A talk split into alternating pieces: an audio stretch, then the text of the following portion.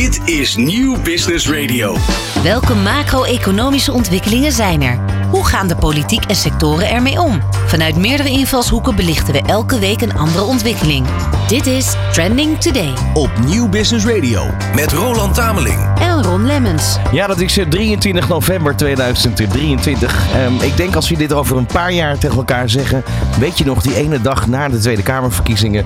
eh, dat je weet, eh, ja, dat was een, het was een bizarre dag. Een schokgolf door Nederland. Kun je wel stellen, ja, de dag nadat alles anders was, zou je kunnen zeggen. Hè? Eh, 37 zetels maar liefst voor de PVV, Ron. Ja, dat is, eh, dat is het gegeven waar we deze uitzending mee gaan eh, beginnen. Ehm, maar wat natuurlijk opviel is, wat doet de PVV voor ondernemers? We zijn eh, met elkaar gaan kijken naar het programmaboek van de PVV. Ja. En ja, dat zijn enkele regels, ehm, maar dan heb je het ook gehad. Ja, wat mij opviel is als je bijvoorbeeld gaat kijken op het vlak van... wat willen ze bijvoorbeeld voor ZZP'ers? Ik ben even uit mijn NS1-situatie gaan kijken. Dan zie je dat zij vooral minder regels willen voor ZZP'ers. Nou, dat, daar wil eh, iedereen wel ja tegen zeggen. Eh, en wat je dan hoort is wat ze willen voor het bedrijfsleven... is dat we meer Nederlandse producten gaan promoten in Nederland. En dat is het dan zo'n beetje. Eh, wellicht heb ik het programma niet goed gelezen. Maar ehm, eh, eh, ik denk ook wel dat dat iets is wat we na dit uur kunnen con- concluderen. Dat is een beetje mijn buikgevoel. Dat spreekt over het buikgevoel van Nederland, als ik heel eerlijk ben. Dat, zij, dat heel veel mensen, die, wat is het, 2,4 miljoen mensen zo wordt geschat, hè, die op de PVV hebben gestemd, vooral op hun onderbuik zijn, zijn gegaan. Zeker. Maar daar gaan we dus eh, eh, ja, een, een uur lang op, eh, op terugkijken. Ook dat. En we hebben ons uiterste best gedaan om de PVV te spreken te krijgen. Helaas gaat dat vandaag niet lukken. Maar wat we ook weten natuurlijk is dat het momenteel spitsuur is in Den Haag. Men is bij iedere fractie met elkaar in overleg over hoe nu verder. Ehm, we hebben één geluk. We hebben straks wel iemand die daar misschien iets over kan zeggen. We gaan namelijk eh, bellen met eh, Kamerlid voor de BBB, Henk Vermeer. Hij is betrokken en hij heeft als portefeuille onder andere economische zaken. Ja. Hij wil wel reageren, daar zijn we blij om. We gaan verder gaan we duiden. Dat doen we met Olivier de Neven. Afgelopen maandag hadden we natuurlijk de ondernemer kiest. En eh, ja, hij was een van de interviewers. maar volgt de politiek al de hele verkiezingsperiode. Dus daar gaan we het helemaal over praten. We gaan ook kijken welke, ja, welke partijen zouden bij elkaar kunnen gaan passen. Ja, En nou ja, dat, dat kan je natuurlijk op heel veel sites proberen. We gaan het nog een keer bespreken in zekere zin preformeren. pre-formeren. En we zijn de straat op geweest. We hebben daar natuurlijk eh, reacties op gehaald. En voor de rest gaan we bellen met Erik Siens. Hij is per 1 december de nieuwe voorzitter van ONL. Natuurlijk de club die de ondernemer vertegenwoordigt. En ja, hij had waarschijnlijk ook wel misschien een iets andere uitslag verwacht. Goed, met hem gaan we daarover praten. Welkom bij Trending Today. We gaan naar de straat. beetje lastig allemaal. Dus natuurlijk, eh, Wilders is de grootste. Ik had wel verwacht dat hij groot zou worden, maar zo groot had ik niet aanzien komen. Zelf heb ik omzicht gedaan. Ehm, is misschien nog net wat te jong voor de Kamer, maar wel hele mooie, goede ideeën vind ik.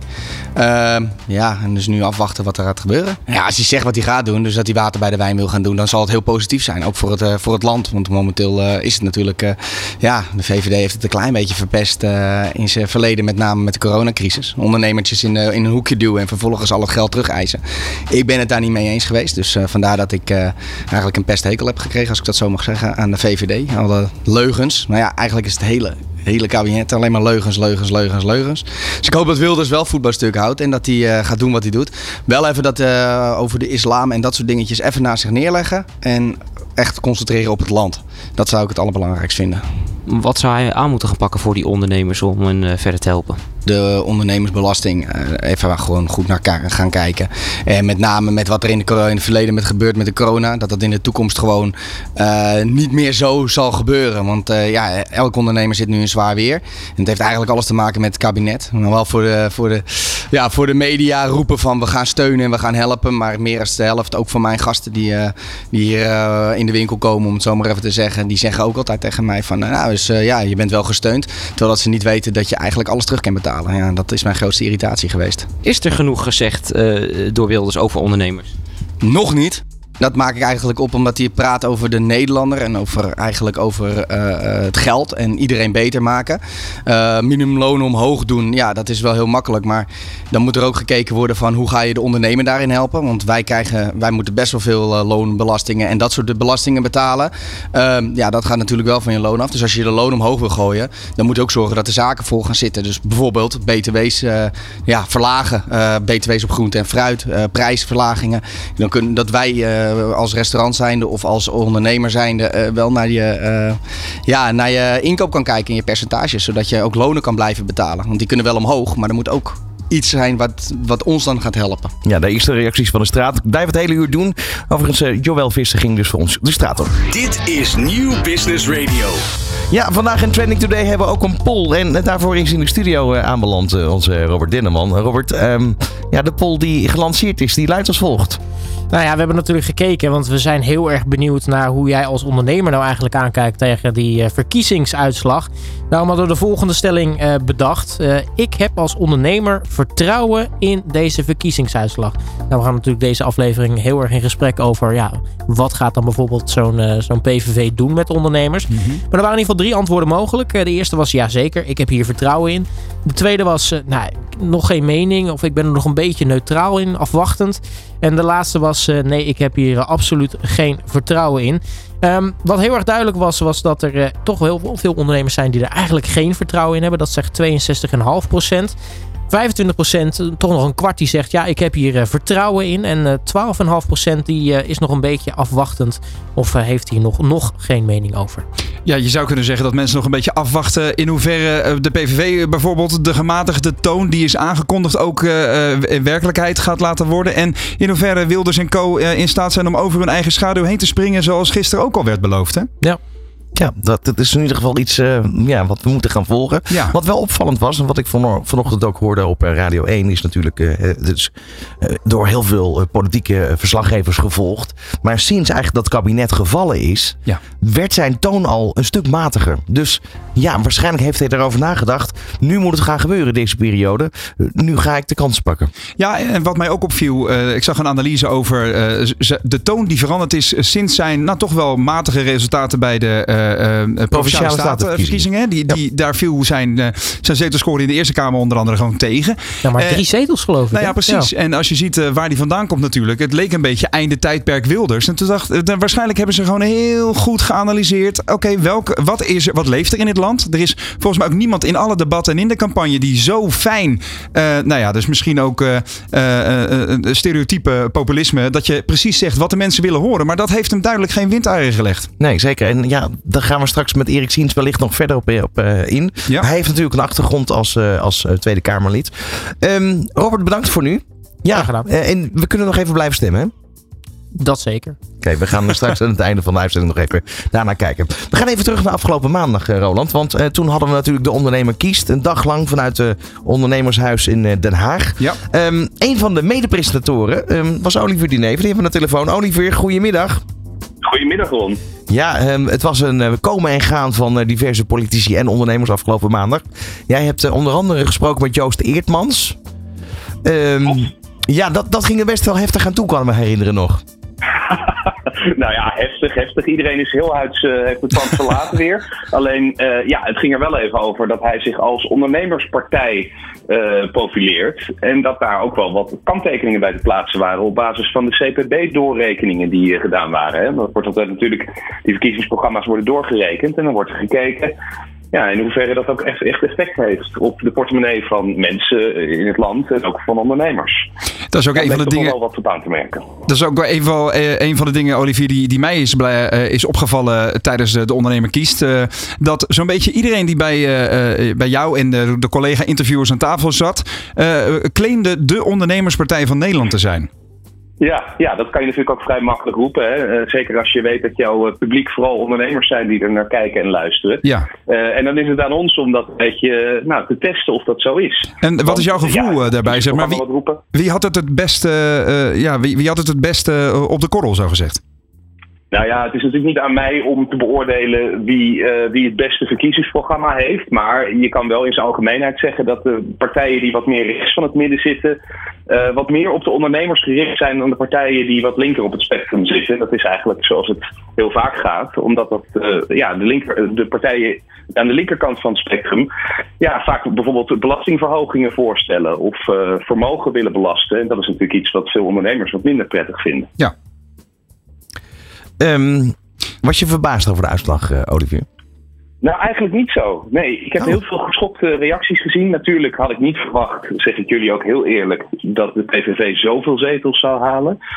Alleen, ja, je moet wel constateren dat eigenlijk elke verkiezing die we de afgelopen tijd hebben gehad, ook de provinciale statenverkiezingen waar jullie net aan, uh, aan refereerden, Mhm. dat degene die al op winst in de peilingen van tevoren, dan nog een soort eindspurt maken op de verkiezingsdag zelf. Dus de PVV stond er al goed voor. En die, zijn, ja, die hebben die lijn nog eens even doorgezet op de dag dat er daadwerkelijk gestemd moest worden. Dus wat dat betreft is het niet echt een verrassing. Aan de andere kant, er moet natuurlijk nu wel eh, ja, een hele nieuwe constellatie gaan, gevormd gaan Ja. worden. En dat wordt wel spannend. Wat, wat vind je eigenlijk van peilingen? Zou, zou daar een soort van stoppen moeten komen een week voor de verkiezingen? Ja, ik, vind- ik vind zelf eigenlijk van niet. Want eh, tuurlijk, het is zo dat ze een grote invloed hebben. En ik denk dat het goed is om ook altijd dat dan ook te duiden. Hè, en erbij bij aan te geven wat dat precies betekent, die peiling. Maar om nou te zeggen, ja, we gaan ermee stoppen van tevoren. ehm, nee, ik vind dat eigenlijk te ver gaan. Eh, ik denk dat mensen best het recht mogen hebben om te weten hoe het ervoor staat. En daar is de peilingwijzer wel een goed voorbeeld van. Want daar worden die peilingen eigenlijk gewogen eh, ingestopt. En die wordt ook veel nu aangehaald. Hè? Dus een gemiddelde eigenlijk van alle peilingen. Maar heb jij dat, wel gevoel, heb jij dat gevoel dan wel, eh, Ron? Dat, jij, dat je zoiets hebt, die, die peilingen doen eigenlijk meer kwaad dan goed? Nou, weet ik niet. Maar ik, ik kan me wel voorstellen. Dat heeft ook te maken met natuurlijk de afgelopen kabinetsperiode. Waarin veel belangrijke issues niet zijn opgelost. Dat, dat kiezers toch gaan denken. ehm, ja, eh, ten eerste zweven. Ten tweede toch twijfelen over. Moet ik nu strategisch gaan stemmen? Of moet ik uiteindelijk dan toch maar bij de partij blijven waar ik altijd op gestemd heb, wellicht? Ja. Wat ik ook nog een interessante vind, Olivier, naar aanleiding van de ondernemer kiest eh, afgelopen maandag. Ehm, Oké, je bent dan. eh, je, je zal niet zozeer ehm, eh, de- degene zijn die de, eh, de politieke programma's van de diverse partijen op, op waarde oordeelt. Maar heb jij het gevoel ook dat de ondernemers die, die bij jullie in de show zaten, zoals Christel Groeneboom hè, van het containerbedrijf eh, Server, C. Groeneboom, zat bij jou in de uitzending. Heb je het gevoel dat die ondernemer zich daadwerkelijk gehoord voelde, ook in de campagne? Nou, ik denk dat dat juist eh, heel erg tegenvalt inderdaad. Want eh, daarom vond ik het ook heel goed dat de ondernemer kiester was. Omdat dan juist eh, die onder onderwerpen eens een keer aan de politici voorgelegd konden worden. Want in de campagne is eigenlijk de ondernemer, nou mag ik zeggen, vrijwel onzichtbaar geweest. Er is niet zo heel veel over gesproken. Hè. De thema's waren echt migratie, bestaanszekerheid, Ja. klimaat werd af en toe nog wel eens genoemd. Zorg kwam voorbij, maar de ondernemer, nou, niet zoveel. Dat was ook het hele idee eh, achter de ondernemer kiest. Hè, dat we eh, vooraanstaande ondernemers in contact brachten aan dezelfde tafel met eh, politici. Om, om duidelijk te krijgen wat er nou eigenlijk speelt bij de mensen die, die bedrijven hebben. Duidelijk was de regeldruk. Maar op Ja. het moment dat je dan aan de ondernemer vroeg wat voor regels. Dan werd dat toch vrij lastig. Heb jij dat ook zo ervaren, Olivier? Ja, zeker. Ja, het blijft altijd moeilijk. En ik hoorde ook nog eh, in een nazit, eh, sprekend met dat ondernemers, dat het soms ook gewoon komt omdat brancheverenigingen bijvoorbeeld zelf die regels bedenken. Ja, en dan geven ze de schuld aan de politiek. Ja, dat kan, kan natuurlijk ook niet. Ze kunnen het zelf soms afschaffen, maar hebben er toch een reden voor om die regels te houden. Dus het is een, het is een moeilijk probleem. Het is niet zo dat je alleen maar kan zeggen, de politiek Nee. heeft het gedaan. Maar nu is het natuurlijk wel de volgende stap in het hele proces. Hè? Eh, van eh, eh, formeren naar een eventuele coalitie. Ehm, ik lees overal en nergens na, na de uitkomsten van gisteren. PVV de grootste partij. Weliswaar GroenLinks PvdA in, in, op zetelaantal de tweede partij van Nederland. Maar toch ligt een rechtse coalitie in het verschiet. Is het verhaal. Wat is jouw gevoel daarbij, Olivier? Ja, ik denk dat dat in ieder geval de coalitie is waarin als eerste naar gekeken gaat worden. De PVV krijgt natuurlijk nu echt de lead, zoals eh, Dylan Jezeelbus van de VVD het eh, vandaag ook zei. Ja. Eh, zij moeten gaan proberen om een, eh, kabinet bij elkaar te gaan eh, krijgen. Maar de VVD staat niet te springen daarom. Aan de andere kant zou je kunnen zeggen, de VVD staat ook niet te springen om met de PvdA GroenLinks of GroenLinks PvdA in een nieuwe coalitie te springen. Nee. Want ja, dan worden hun standpunten juist ook wel weer erg verwaterd. De waterige compromissen waar Jezielbus voor waarschuwde, dat willen ze ook niet hebben. Dus mijn verwachting is dat eerst echt geprobeerd gaat worden om PVV, VVD, NSC van Pieter Omtzigt en BBB bij elkaar aan tafel te krijgen. BBB is trouwens niet strikt noodzakelijk voor een coalitie om een meerderheid in de Tweede Kamer te krijgen. Maar die zijn wel heel groot geworden bij de provinciale statenverkiezingen in maart. En daarom is het ook heel belangrijk om in de Eerste Kamer naar een meerderheid te komen. En daar heb je die BBB dan weer heel hard voor nodig. Dus ja, ik denk dat ze het in ieder geval eerst over rechts proberen. Als dat niet lukt, ja, dan zullen er andere exotische combinaties verzonnen moeten gaan Ja, worden. precies. En ja, we gaan het in ieder geval allemaal zien. Eh, dankjewel, Olivier, voor nu. Ehm, heb je zoiets van, ik ga nu eventjes eh, achteruit op de bank hangen of eh, blijf je nog even volgen? Wat, wat ga je doen? Nee, Nee, ik ga zeker niet achteruit op de bank hangen. Nee, ik vind het juist hartstikke interessant. Er komt nu weer een hele nieuwe periode aan. Heerlijke tijd voor politieke junkies. al aan het eh, profileren op de toekomst. Dus Timmermans die zegt al, wij gaan nu weer opnieuw beginnen met de volgende campagne. Dus eh, ja, voorlopig zijn we nog niet klaar eh rond. Nee, en over de, over de volgende campagne gesproken. Daar zijn heel veel mensen waarschijnlijk totaal nog niet mee bezig. Maar we hebben in juni de Europese verkiezingen. Laat dan Wilders nu de grootste zijn. eh, die het natuurlijk continu over Nexit gehad heeft. Ja, ja, dat klopt, ja. Ja, nou moet ik wel zeggen, de, de soep zal niet zo heet gegeten worden als die wordt opgediend. Eh, hij roept natuurlijk al jaren dat hij een, een Nexit-referendum wil. Hè. Het gaat dus niet echt dat hij per se al meteen een Nexit wil, maar hij wil er een referendum over houden. Eh, ja, de kans, en dat zullen jullie ongetwijfeld ook al eh, zo meteen ook nog gaan horen. De kans dat de standpunten die hij in zijn programma heeft allemaal uitgevoerd gaan worden is heel klein. Eh, en zeker als het gaat om eh, eh, uit de euro bijvoorbeeld stappen of uit de Europese Unie, zal dat niet zo heel snel gaan gebeuren. Al is het maar omdat de andere coalitiepartijen dat absoluut niet willen. Precies. Nou, hey, dankjewel voor nu. Ehm, wij gaan straks ook bellen met, eh, met ja, de nummer 1, de, per 1 december. De voorman van ONL, Erik Siens. En we hebben een ondernemer, Roland. Zeer zeker. De dag na de verkiezingen, dat is waar we mee bezig zijn. En ja, we gaan straks nog verschillende mensen spreken. Ook Elie Schim van der Loef. Eh, met hem heb ik een serie gemaakt, Omnitalks. We hebben daar verschillende politici gesproken over duurzaamheid. Nou, ehm, dat is na vandaag toch wel iets waar je heel veel vraagtekens bij moet gaan zetten. Hoe dat dan nu geformeerd gaat worden in een nieuwe kabinet. Nou, wa- wat wellicht ook, eh, als we het eh, in ieder geval de, de rechtere meer rechtse partijen moeten geloven, iets minder op de agenda komt te staan. Hè? Wellicht, moeten we nog zeggen, in deze tijd van, eh, van onderzoeken en formeren. Eh, maar wat we natuurlijk ook gedaan hebben, Ron, is dat we onze, eh, ons oor te luisteren hebben gelegd bij de ondernemers van Nederland. Ehm, daarom gaan we straks bellen met Paul Brouwers. Hij heeft een, Oh een ja. herenkledingwinkel in het hartje van Tilburg. Maar eerst gaan we nog even de straat op. Ik ben heel erg teleurgesteld. Ik had heel graag een, een, een groen-minded nou ja, nieuw kabinet verwacht. En ik heb nou ja, niet echt veel hoop eh, dat, dat er eh, eh, groene beslissingen ga- genomen gaan worden. Aangezien de PVV de grootste is en eh, eh, de klimaatcrisis ontkent. En jij hebt een winkel wat zich dus heel erg richt op duurzame kleding, als ik het goed heb. Klopt. Eh, vind jij dat je de afgelopen jaren genoeg gehoord bent door het kabinet als ondernemer? ik ben gewoon een idealist en niet per se. dus eerst idealist en vervolgens ondernemer. Dus dat kan ik gewoon echt niet loszien. Sorry. Ik, tuurlijk, ik heb afgelopen week ook gekeken naar bijvoorbeeld bij de Kamer van Koophandel stonden allerlei dingen over de verkiezingen. En, eh, en ja, tuurlijk kun je als werkgever heel erg eh, eh, uit eigen belang daarnaar kijken en denken: oh ja, nou als. partijen voor korting zijn van de doorbetaaltijd als, als mensen ziek zijn. Nou, dat zou mij misschien wel goed uitkomen als werkgever. Maar ik vind gewoon totaal geen sociale gedachte. En, en stel nou dat het toch, hè, want we gaan nu formeren, nou dat kan misschien wel weer een jaar gaan duren. En er komt toch een, eh, een kabinet uit met eh, onder Wilders, eh, kabinet Wilders 1.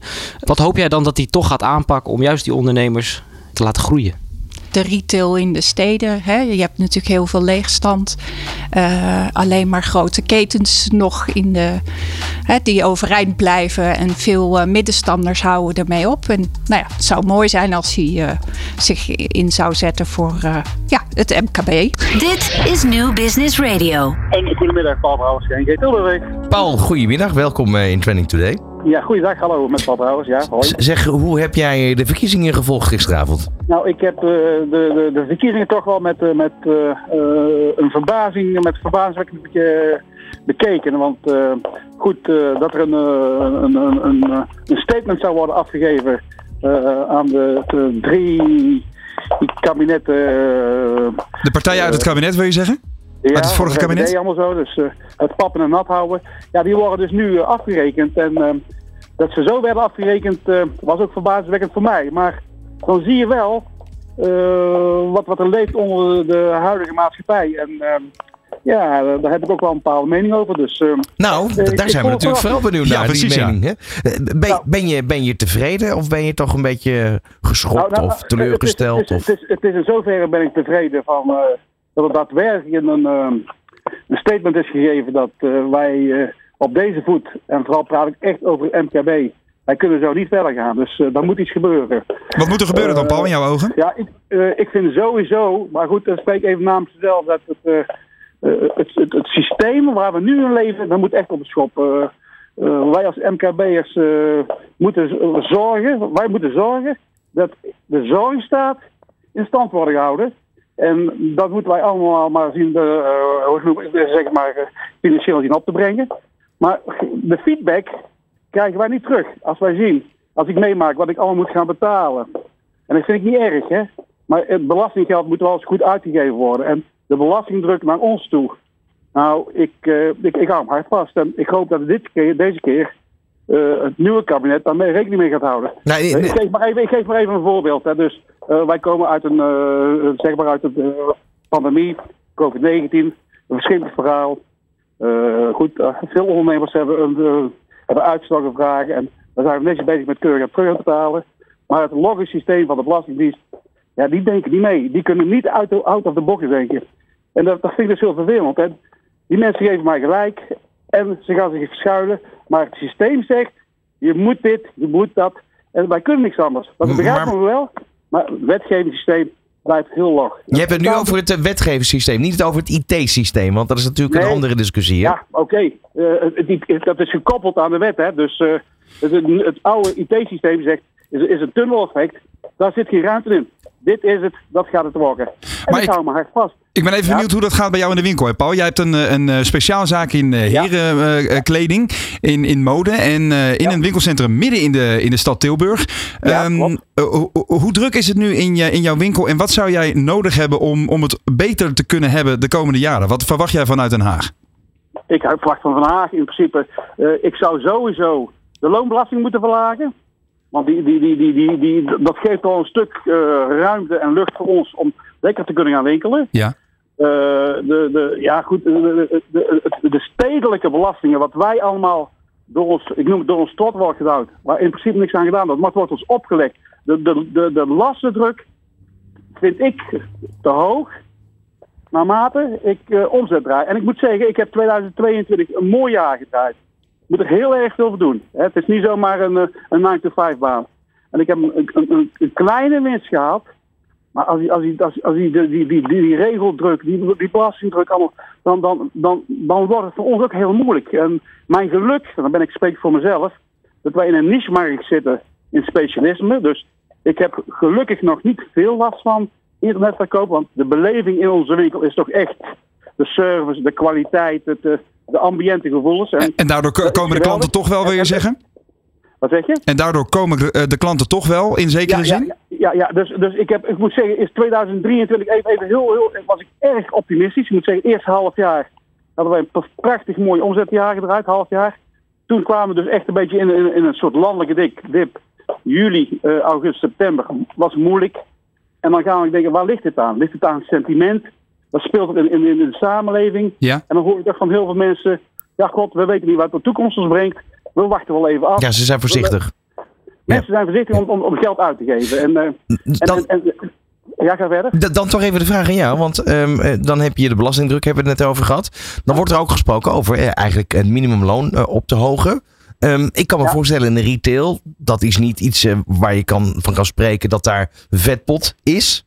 Nee, daarom, dat is het net verhaal. Dus, dus het kip en het ei verhaal. Op het moment dat je zegt van luister, het minimumloon wordt, wordt, wordt zomaar omhoog geschaald.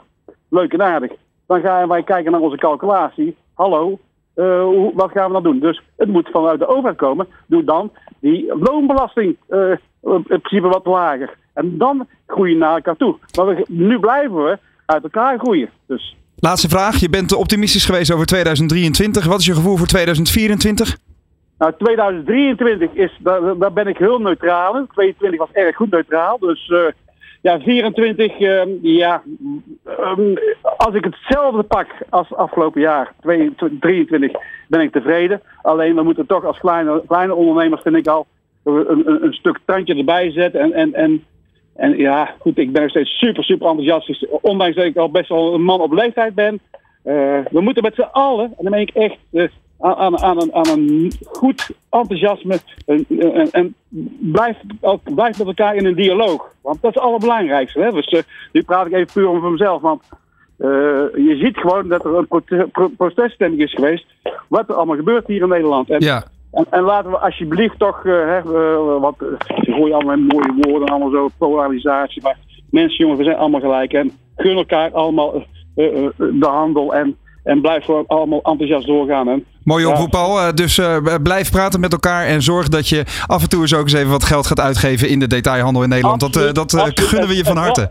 Hartelijk dank Paul Brouwers van maand, hè. Wat zei je? Dankjewel, Paul. Goedjes. Dag, dag.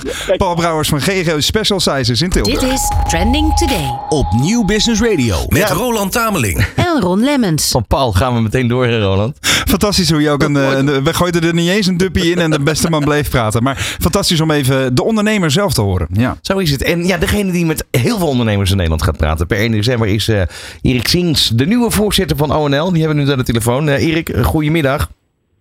Goedemiddag. Ja, we hebben elkaar maandag natuurlijk eh, al even gesproken. Ook in de uitzending. De ondernemer kiest aan het einde. Ehm, nou, toch eerst eh, even jouw reactie over eh, de uitslag. Ja, ik, eh, ik had van alles verwacht, maar eh, dat toch niet. Wat niet? Ik begreep dat de PVV in ieder geval toch wel in opmars was. Eh, maar ik had toch ook wel verwacht dat de VVD wat hoger zou scoren. Wat betekent Ja, dat straks voor, voor, voor, voor jouw inzet? Nou ja, kijk, eh, het is, onze inzet is altijd gericht hè, eh, voor ondernemend Nederland om te zorgen dat de belangen van de, de ondernemer, met name de niet beursgenoteerde ondernemer, eh, dus de kleinere bedrijven met, met 1 tot 50 medewerkers, dat we die in ieder geval die belangen onder de aandacht brengen van politici. Dus eh, ja, dat betekent dus ook dat de grootste partij op dit moment, de PVV, dat we die in ieder geval ook van de informatie zullen voorzien. Eh, die, eh, ja, die met name de pro- problemen die leven bij die kleine ondernemers, dat die ook op hun netvlies komen. Ja, nu, nu kom je uit de politiek. eh, tenminste, dat een aantal jaar geleden. Je hebt in de Tweede Kamer gezeten. Wat, wat het ons opviel, wat we eigenlijk gedaan hebben vanochtend. Toen ik wakker werd, ik heb als eerste toch eventjes gekeken. Wat staat er nu over ondernemerschap op de verkiezingssite van de PVV? Dat was niet heel veel. Nee, nee dat, dat, dat was mij ook wel opgevallen. Ik weet ook dat eh, Geert Wilders erop bevraagd is tijdens debatten. En dan zei hij, nee hoor, we komen op voor de ondernemer. Dus ik ga er ook vanuit, eh, vanuit de ervaring die ik in het verleden heb gehad. Eh, Rutte 1 hebben we natuurlijk nog samengewerkt met de PVV in een gedoogconstructie. Eh, in die tijd heb ik ook samengewerkt met de woordvoerders op economische zaken. En ik moet zeggen, daar kon ik goed mee door één deur.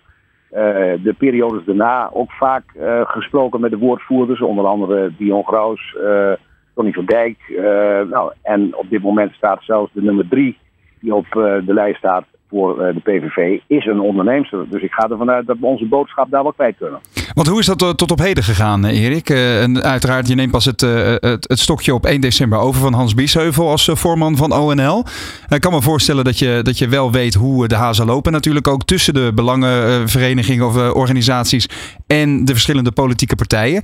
Want je geeft net aan, ik had verwacht dat de, mm, de, de VVD hoger zou scoren. Dat vind ik een interessante uitspraak. Want waarom had je dat ten eerste verwacht? Nou ja, allereerst kijk je natuurlijk naar de peilingen. Eh, je ziet dat er een nieuwe lijsttrekker is. Eh, je ziet dat er nieuwe mensen ook op, eh, op de lijst zijn gekomen. Nou, dan ga je er toch een beetje vanuit dat de kiezer toch wel ook die richting op zal gaan.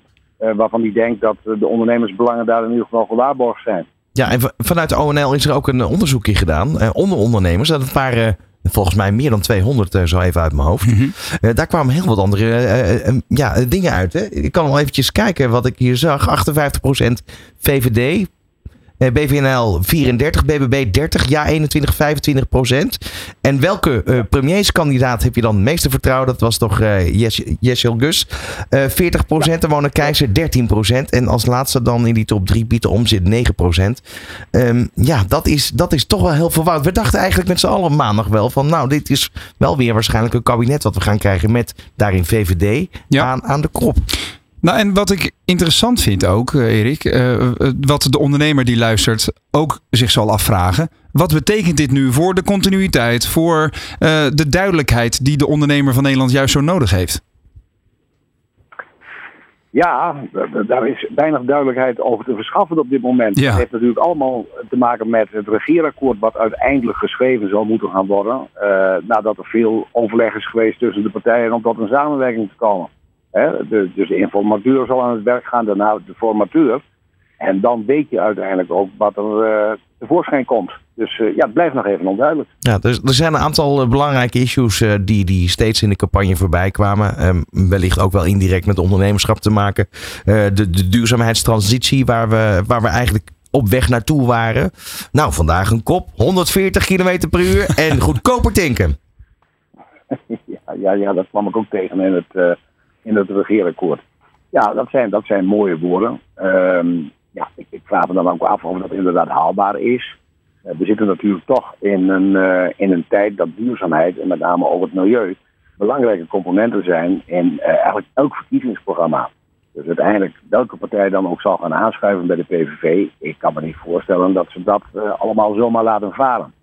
Maar anderzijds weet ik ook dat als het gaat om duurzaamheid, dat je ook als het gaat om redelijke voorstellen die voorbij komen, eh, dat je die ook eh, redelijk verder moet gaan behandelen. Kijk bijvoorbeeld naar de emissievrije zones in de steden. Ja. Eh, die gaan eigenlijk volgend jaar, eh, of in 2000, eh doe ik even uit hoofd, 2025. Vanaf 1 januari 2025 inderdaad. Ja. Juist. 29 Ja, dat gemeentes. Dus dat, dat, dat de, de, de loodgieter, eh, de elektricien, eh, de, de kleine bezorger en dergelijke, eh, die nog niet in het bezit is van een eh, emissievrij voertuig, oftewel een elektrische bus of eentje op waterstof of hoe je het ook bekijkt, dat die dus de stad niet meer in komt. Ja, en dat zijn dingen, eh, die moet je gewoon onder de aandacht brengen van politici. Ja. En ook van de partijen die heel erg voor de duurzaamheid zijn. Sommige termijnen zijn op dit moment moeilijk haalbaar voor kleinere ondernemers. Ja, nu zitten daar wel wat nuances aan. Het is volgens mij auto's ouder dan 2018 hebben nog twee jaar reservetijd. Het heeft te maken met de, Exact. de, de emissiezone of eh, Dus k- emissie- klassificatie waarin ze zitten. Ja. Dus daar, daar zit nog wat rek in.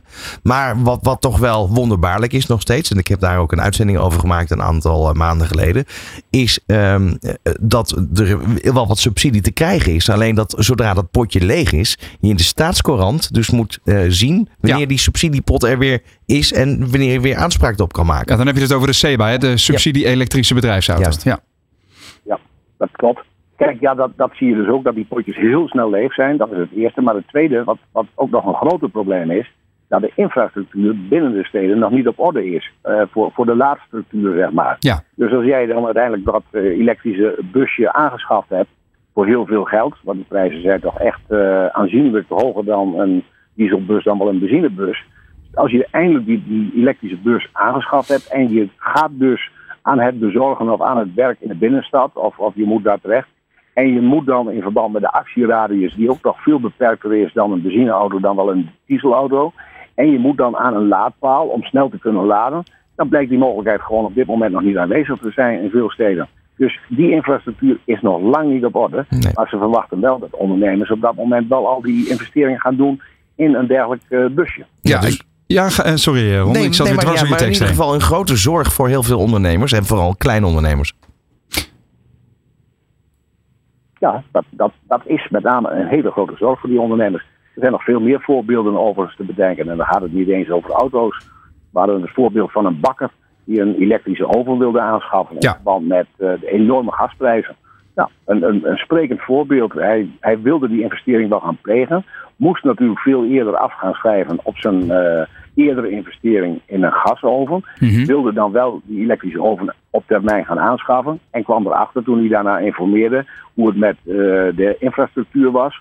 Om in ieder geval een aansluiting te krijgen. Dat het gewoon nog niet mogelijk was. En dat hij daar in ieder geval nog wel een paar jaar voor moest wachten. Ja. Nou, dat zijn ook dingen die je dan tegenkomt voor die ondernemers. Help, ik zeggen. Nou- hoe, gaan we daarmee om? En, en ehm, eh, als ik nog even naar, eh, met, met mijn onderbuik zo gezegd, naar de onderbuik van Nederland eh, luister. Ik heb persoonlijk het idee dat heel veel kiezers toch zijn gevallen voor, eh, voor de, de belofte van de PVV dat zij de Nederlander weer op één zetten. hè, Wat dan, wat dan in, ook in hun verkiezingsslogan staat. Wat dat betekent, nou, dat, dat, er zijn natuurlijk diverse componenten die daaraan hangen. Ehm, maar ehm, even hypothetisch, hè? Ik kan me voorstellen dat eh, zo'n nou ja, naar binnen gerichte ehm, eh, aanpak ook goed nieuws zou kunnen zijn voor de ondernemers van Nederland. Wat is jouw gevoel daarbij, Erik? Ja, het kan alle kanten op gaan. En ehm, wat dat betreft is het misschien ook niet verkeerd dat de kiezer nu op dit moment een duidelijk signaal heeft afgegeven van het moet anders. En dat maakt ook eh, des te duidelijker dat bepaalde partijen, waaronder ook de VVD, wellicht eh, toch een stukje nederiger moeten zijn de komende tijd En moeten gaan kijken hoe ze daadwerkelijk eh, opkomen voor ja, zeg maar de ondernemer in Nederland, de Nederlander, die dat dan ook mogen zijn. Maar daar toch met elkaar voor moeten gaan strijden. Ja, het lijkt me een fantastische tijd voor jou als, eh, als aanstormend eh, ONL-voorman om eh, in, in die rol te stappen. Tijdens de, eerst het informeren, dan het formeren. Wat zijn voor jou persoonlijk nu de volgende stappen? Nou, het eerste wat, waar we nu al mee bezig zijn in die voorbereiding is om inzichtelijk te maken wie straks de nieuwe woordvoerders zijn op de dossiers waar wij mee te maken hebben. Ja. Dat we daarmee in contact komen, dat we kennis maken, dat we ze duidelijk maken van waar eh Ondernemend Nederland voor staat, ONL. Ja. En eh, waar we naartoe willen, eh, wat de problemen zijn bij de kleinere ondernemers. En dat dat ook op het netvlies komt van die politici die uiteindelijk de woordvoerders zullen zijn op die portefeuilles. Lijkt me een, eh, een, een mooie taak voor de komende tijd. Dat denk ja, ik ik ook. heb er zin in. Eh, het gaat tijd kosten, maar eh, we gaan ervoor. Ja, in, wat dat betreft denk je dat, dat ehm, de situatie voor jou nu makkelijker is? Omdat er veel meer zaken ter discussie komen? Of denk je dat het moeilijker gaat worden? Nou, ik, eh, ik, ik, ik denk dat we uiteindelijk, omdat het, het onderwerp ondernemerschap toch wel redelijk veel voorbij is gekomen de afgelopen weken tijdens de campagne, dat het daardoor misschien toch wel wat makkelijker weer wordt om binnen te stappen bij die partijen die daar misschien wat minder aandacht aan besteed hebben de afgelopen weken en er nu achter komen dat ze misschien daar toch wat meer aandacht voor hadden kunnen vragen. Oké. Erik Sings, eh, succes per 1 december dus de nieuwe voorzitter van ONL. Dankjewel. Ja, dan eh, gaan we nog eh, maar eens even keer eh, naar de straat, hè, Roland. Lijkt mij een uitstekend idee, want eh, eh, daar ja, hebben we toch even het sentiment gepeild, mag je wel stellen. En dat is dan gewoon bij de mensen op staat. Geweldig, ja, ik vind het super. Verandering. Ik ben blij. Ja, met PVV. Ik ben 44 jaar in Nederland. Ik ben uit Turkije. Turkije, Turkije. Dus... maar is niemand blij met PVV, toch? Maar jij wel? Geen buitenland. Ik ben nu blij. Wat hoop je dat er gaat veranderen? Ja, ik denk dat eh, hij zijn partij heel erg gaat kijken naar eh, de lasten die door ondernemers gedragen moeten worden. Of door mensen die, eh, zeg maar, de rijken. Wat VVD wil, ja, daar sta ik niet achter. Alles is omhoog. Gas, elektro omhoog, ziekenfonds omhoog en huren gaat omhoog. Alles gaat omhoog.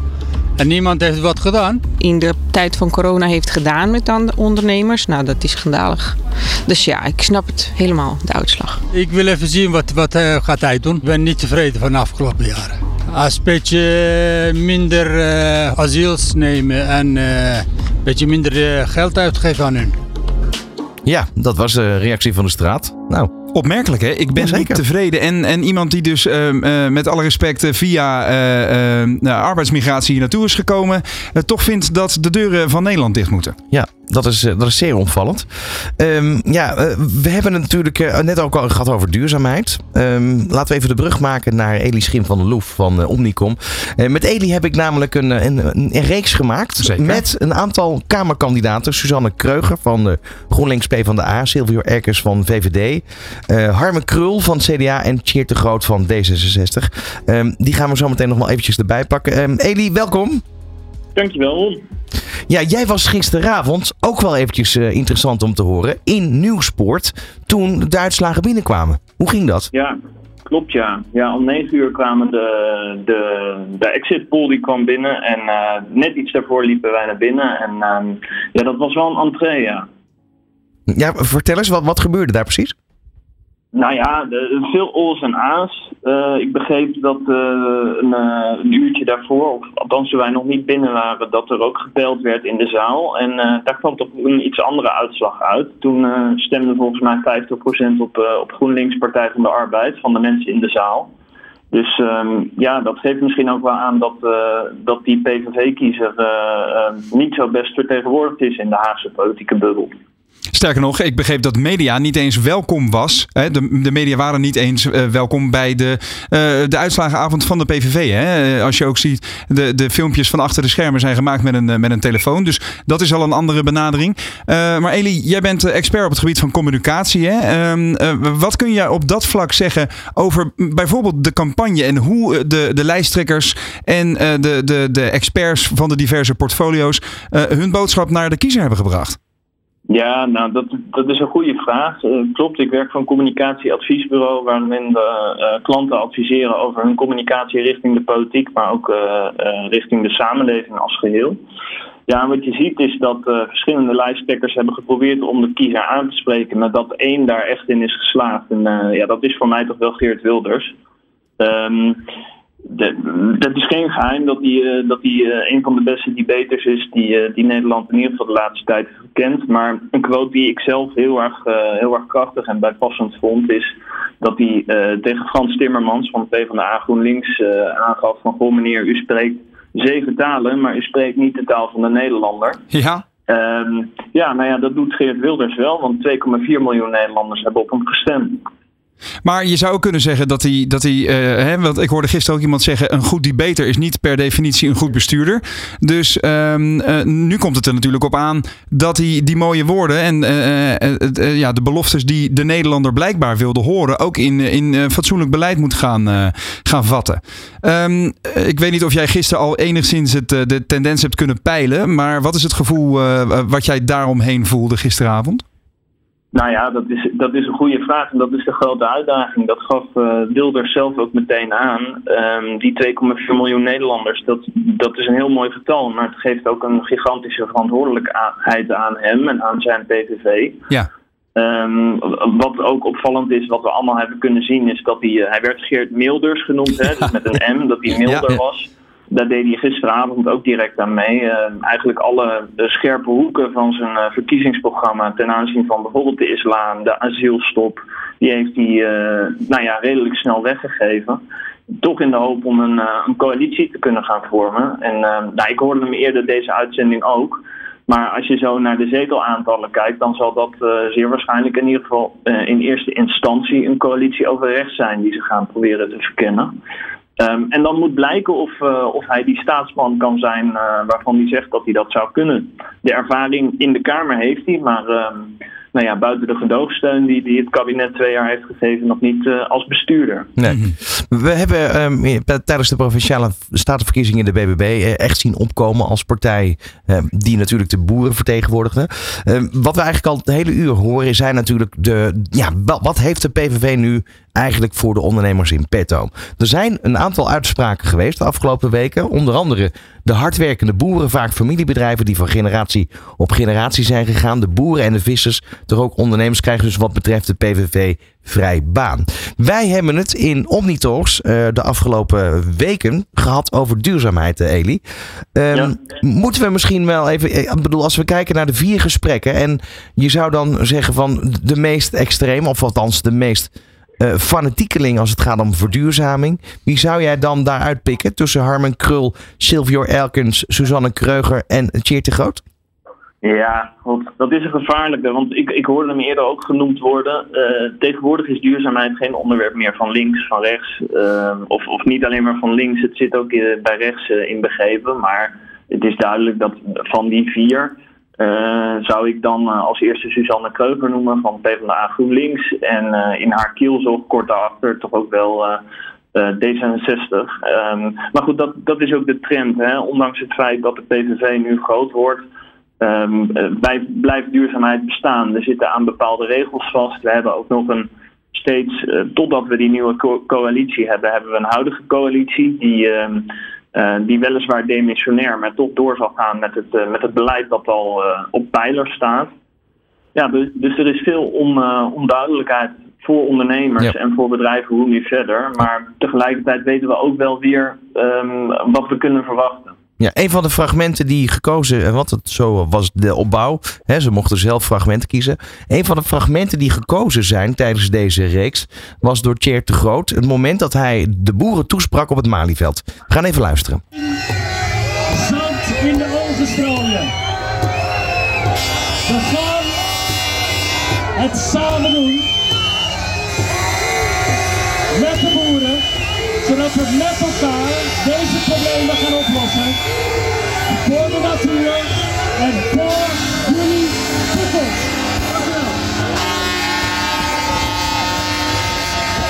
Ja, eh, Eli, eh, ik kan me nog herinneren dat wij hier in de studio zaten met Cheert en elkaar ook aankeken van... Je staat daar voor 20.000 mensen een verhaal te vertellen. Ehm, en ja, dan even met de uitslag van vanochtend, hè, de definitieve uitslag in het achterhoofd. Wat is jouw reactie nu? Ja, nou ja, dit laat zien dat, de Groot van D66, die is natuurlijk bekend omdat hij, ehm, ehm, nou onder andere bekend omdat hij zo, zo fel optrad eh, en de knuppel in het hoender hoog gooide wat betreft de halvering van de veestapel. En wat zijn belangrijke punt was, ehm, wat hij ook aangaf, is, wij moeten duidelijk zijn naar de boeren. En ook ten aanzien van duurzaamheid nu. Denk ik dat die duidelijkheid heel erg belangrijk is van de politiek. Dat, dat iedereen daarop zit te wachten. Dus ik hoop dat, ehm, dat, dat politici rechts en links en, en in het midden, eh, nou ja, in zekere zin zijn voorbeeld vol- eh, volgen en wel aangeven van eh, wat er gaat gebeuren. Dan kunnen mensen daarop, daarop anticiperen. Ja, Tjeerd zelf die lijkt net buiten de Kamer te vallen, omdat hij op plek 10 staat en D66 heeft, heeft 9 zetels. Dus ehm, nou ja, het, het heeft hem vooralsnog, geen windeieren gelegd, maar hij heeft wel een belangrijk onderwerp geagendeerd. Duidelijk. En ehm, als wij, eh, eh, daar hadden we het eerder vandaag ook over. eh, als je gaat kijken naar het, het, het stemgedrag van de Nederlandse kiezer. ehm, dan kan ik me toch niet aan de indruk onttrekken dat er inderdaad vooral op, op mooie woorden en, en, en de onderbuik gekozen is.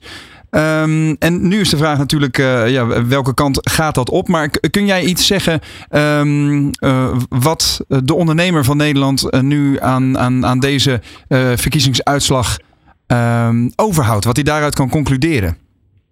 Ja, dat is, dat is lastig om nu te zeggen. Ik denk dat we, wat we allemaal in Nederland kunnen zeggen is dat dit eh, na de overwinning van Caroline van der Plas tijdens de provinciale statenverkiezingen, na de overwinning van eh, Forum, weer de verkiezingen daarvoor, dat het duidelijk is dat, eh, dat, dat er een kloof is tussen, tussen de stemmer, de gewone kiezer en, en de politiek. Ja. Dus dat is een van de dingen. Ehm, ja, en om, om die mensen aan te spreken moet je dit soort. ehm, het, het helpt het om, om dit soort begrijpelijke politieke taal uit te slaan. En dat kan dan wel eens ten koste gaan dat die, dat die inhoud iets minder ehm, duidelijk is nog. Jullie hadden het ook over de, het korte verkiezingsprogramma. Ja. Dus in de, in de komende ehm, weken, eh, ik zeg weken, maar waarschijnlijk zijn het er maanden.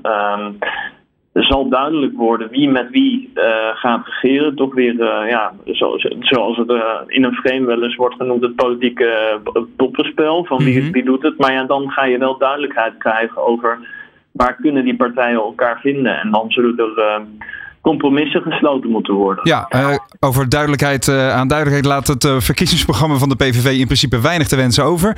Want het zijn inderdaad allemaal zinnetjes van een, van een paar woorden. maar we gaan, we gaan zien wat daar uiteindelijk van in de realiteit terug zal komen, Eli. Ja, dat, dat gaan we zeker. We- en we gaan zien in hoeverre hij ehm, eh, Wilders en zijn partij die, die belofte aan de kiezer kan, kan inwilligen. En ehm, nou ja, dat is ook het mooie aan ons democratische systeem. Ehm, deze mensen die zijn lang ongehoord gebleven. Ehm, maar die zijn nu gehoord. En ehm, nou ja, nu is het aan Geert Wilders en zijn partij ehm, om daar een, eh, een oplossing op te formeren. We gaan dat zien. Eli, dankjewel voor nu. En eh, we spreken je binnenkort weer. Graag gedaan. Dit is Trending Today. Op Nieuw Business Radio met Roland Tameling. En Ron Lemmens. Ja, en eh, tot slot eh, hebben we deze uitzending eh, dan toch iemand aan de telefoon die, eh, die, ja, die we in ieder geval te pakken konden krijgen. Die als toch het het gaat om- vuur zit ook. Ja, precies. Heel Ja. dicht op het vuur. Henk Vermeer, hij is fractielid van de BBB. En in de afgelopen kabinetsperiode is hij ook betrokken geweest natuurlijk bij de economische zaken. Ehm, Henk, goedemiddag. Ja, goedemiddag. Ja, fijn dat we je toch nog even te, te spreken konden krijgen vandaag. Want eh, het was een drukke dag zo na de uitslagen, toch? Ja, we moesten al eh, om 12 uur hamburgers gaan bakken. En eh, vanaf 2 uur hebben we fractieoverleg gehad. Hamburgers gaan bakken, vertel. Ja, we moeten, wij hebben traditioneel net na, als na de provinciale statenverkiezingen Ja. hebben we op het partijbureau bureau, heeft de zoon van Caroline eh, is eh, hamburgers gaan bakken voor eh, alle kandidaten en bestuur en eh, medewerkers. Dus daar is een jonge traditie geboren. Wat, wat mij opviel gisteren na, eh, na de, de eerste exit polls, eh, dat er eigenlijk, nou, er werd niet op een tafel gedanst zoals bij andere partijen voorheen, maar ehm, ja, Caroline van der Plas en Mona Keizer, die tonen zich toch behoorlijk eh, enthousiast over de verkiezingsuitslag voor BBB. Terwijl dat toch een behoorlijk, eh, nou ja, minder grote winst is dan als je het vergelijkt met de, de provinciale statenverkiezingen in pure harde cijfers. Ehm, maar voor jullie is het dus, dus goed nieuws, zou je kunnen zeggen. Wat is wat jullie betreft het volgende doel voor BBB? Ja, het volgende doel voor BBB is gewoon de partij verder uitbouwen. En daarom waren we ook blij. Natuurlijk lag de lat heel hoog door die, ja, door die ongekende overwinning. Nog nooit vertoonde overwinning met provinciale staten. Eh, maar we zijn ook realisten. En we wisten natuurlijk dat met de komst van, eh, van eh, ja, en ook wat we de laatste weken in de peilingen zagen, wisten we dat we ja, op zijn gunstigst eh, iets boven de tien zetels eh, nog zouden kunnen krijgen. Eh, maar zeven is natuurlijk een gigantische vooruitgang vanaf één zetel. En we zijn de enige één-zetelpartij die überhaupt nog in de Kamer zit. En dan ook nog gegroeid is op Ja, deze manier. dus ik, ik hoor hierbij Ja, heel wij, veel realisme eigenlijk. Wij zien dat echt als een volgende stap voor onze partij. Om ook de partij verder te kunnen uitbouwen. Ja, er werd gehint op eh, verkeer, eh, verkeersdeelname, op eh, regeringsdeelname moet ik zeggen. Verkeersdeelname gaan we straks weer doen. Maar ehm, eh, dat, dat, dat klonk in ieder geval als een doel voor de partij. Wij hebben natuurlijk als onze, onze Ja, doelgroep. Wij willen, wij willen verantwoordelijkheid nemen daar waar dat kan. ja, Dat doen we ook al in 10 provincies en in 16 waterschappen. Ja. En ja, daar past dit ook bij. de ondernemer van Nederland vraagt dan vooral duidelijkheid. Wat, wat kunnen jullie al in het verschiet leggen? Nou, waar wij ons in ieder geval heel krachtig voor in willen zetten, is dat de ondernemer niet als pinautomaat van de overheid gebruikt wordt.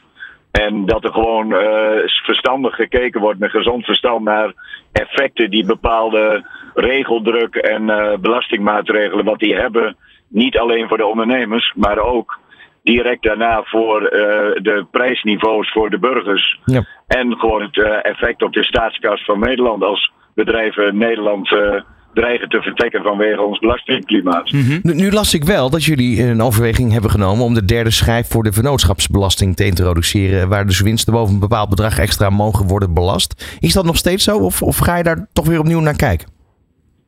Nou, wij zullen naar alles moeten kijken in coalitieoverleggen, want er is nog nooit een eh, coalitieakkoord gesloten wat een eh, kopie is van eh, alle programma's. Nee. Dus dat is gewoon een gesprek wat we aan moeten gaan.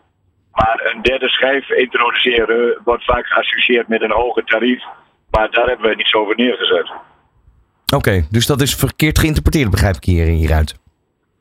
Eh, ik, ik weet niet wie dit zo geïnterpreteerd heeft, maar eh, wij willen gewoon die tarieven willen wij gewoon tegen, tegen het licht houden. En als dat nodig is om eh, bijvoorbeeld in de onderste schijven wat te verlagen, dan moet je misschien een derde schijf introduceren om de hoogste schijf wel op hetzelfde niveau te houden. Maar in ieder geval geen draconische belastingverhoging als ik het zo hoor. Nee, want er staat duidelijk in ons programma dat wij geen extra lastendruk willen voor het eh, bedrijfsleven. Ehm ander vraagje ook wel, eh, waar ik benieuwd naar ben. Eh, wij hebben natuurlijk gekeken naar wat de, wat de PVV he- heeft geschreven over het ondernemerschap. Ehm, jullie willen graag meeregeren. Betekent dat je eigenlijk ja. van vooraf aan moet beginnen met daar toch een formulering over te gaan uitbrengen naar ondernemers toe? Ja, dat zal zeker eh, moeten gebeuren. Wij zijn overigens niet voor een compleet uitgewerkt eh, coalitieakkoord met eh, ik weet niet hoeveel pagina's, maar wij willen naar een regieakkoord. Een regeerakkoord op hoofdlijnen. Ja. En daar willen wij, daar willen wij duidelijk inbrengen dat er scherp gekeken moet worden naar welke wetten of maatregelen we ook doorvoeren. Wat het effect daarvan is op het bedrijfsleven zelf.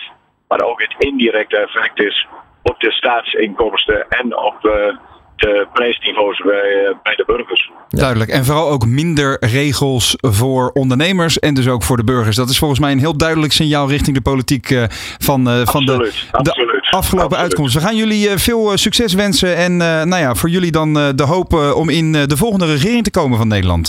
Hartelijk dank voor, eh, voor de tijd. Henk Vermeer, fractielid eh, van de BBB. Graag gedaan. Ja, en, en tot zover deze aflevering van eh, Trending Today. eh, Wat Roland. vliegt dat voorbij, Het man. ging een hele, hele snelle was het vandaag. Maar goed, ook wel een eh, ja, bijzonder dag zou je kunnen zeggen. 23 november, we begonnen deze uitzending daarmee. Over een paar jaar weten we het nog. Ja, Eh, inderdaad, een, eh, een mooie potpourri aan eh, verschillende geluiden uit het hele land. En inderdaad, nou ja, ook goed weer achter de schermen kunnen kijken ehm, eh, bij Politiek Den Haag. Absoluut. Moeten wij eens even nog schakelen naar de, de poll die wij vandaag hebben, hebben gedraaid? Lijkt me een goed idee. Robert? Yes. Jij bent er ook nog? Ik ben er ook nog. Wat wat veranderingen eh, gezien vandaag? Eh, nee, weinig. Ehm, er zijn eigenlijk weinig, eh, weinig stemmen nog bijgekomen in de loop van de uitzending. Maar eh, we hebben natuurlijk ook eh, eigenlijk stiekem gezegd in de poll dat het eh, natuurlijk al voor deze uitzending was. Maar eh, Precies. Ik heb als eh, ondernemer vertrouwen in deze verkiezingsuitslag. Hè? En eh, het is duidelijk dat er eh, veel mensen nog afwachtend zijn. Kun je, dat kunnen we concluderen. Dus we gaan zien wat het de komende tijd gaat, eh, gaat doen. Ja. Tot zover deze aflevering van Trending Today. Dankjewel voor het luisteren. En wil je hem terug eh, horen, dan kan dat via onze website nieuwbusinessradio.nl en via alle bekende podcastkanalen. Tot de volgende aflevering. Heel goed. Dit is Trending Today Op Nieuw Business Radio met Roland Tameling. en Ron Lemmens.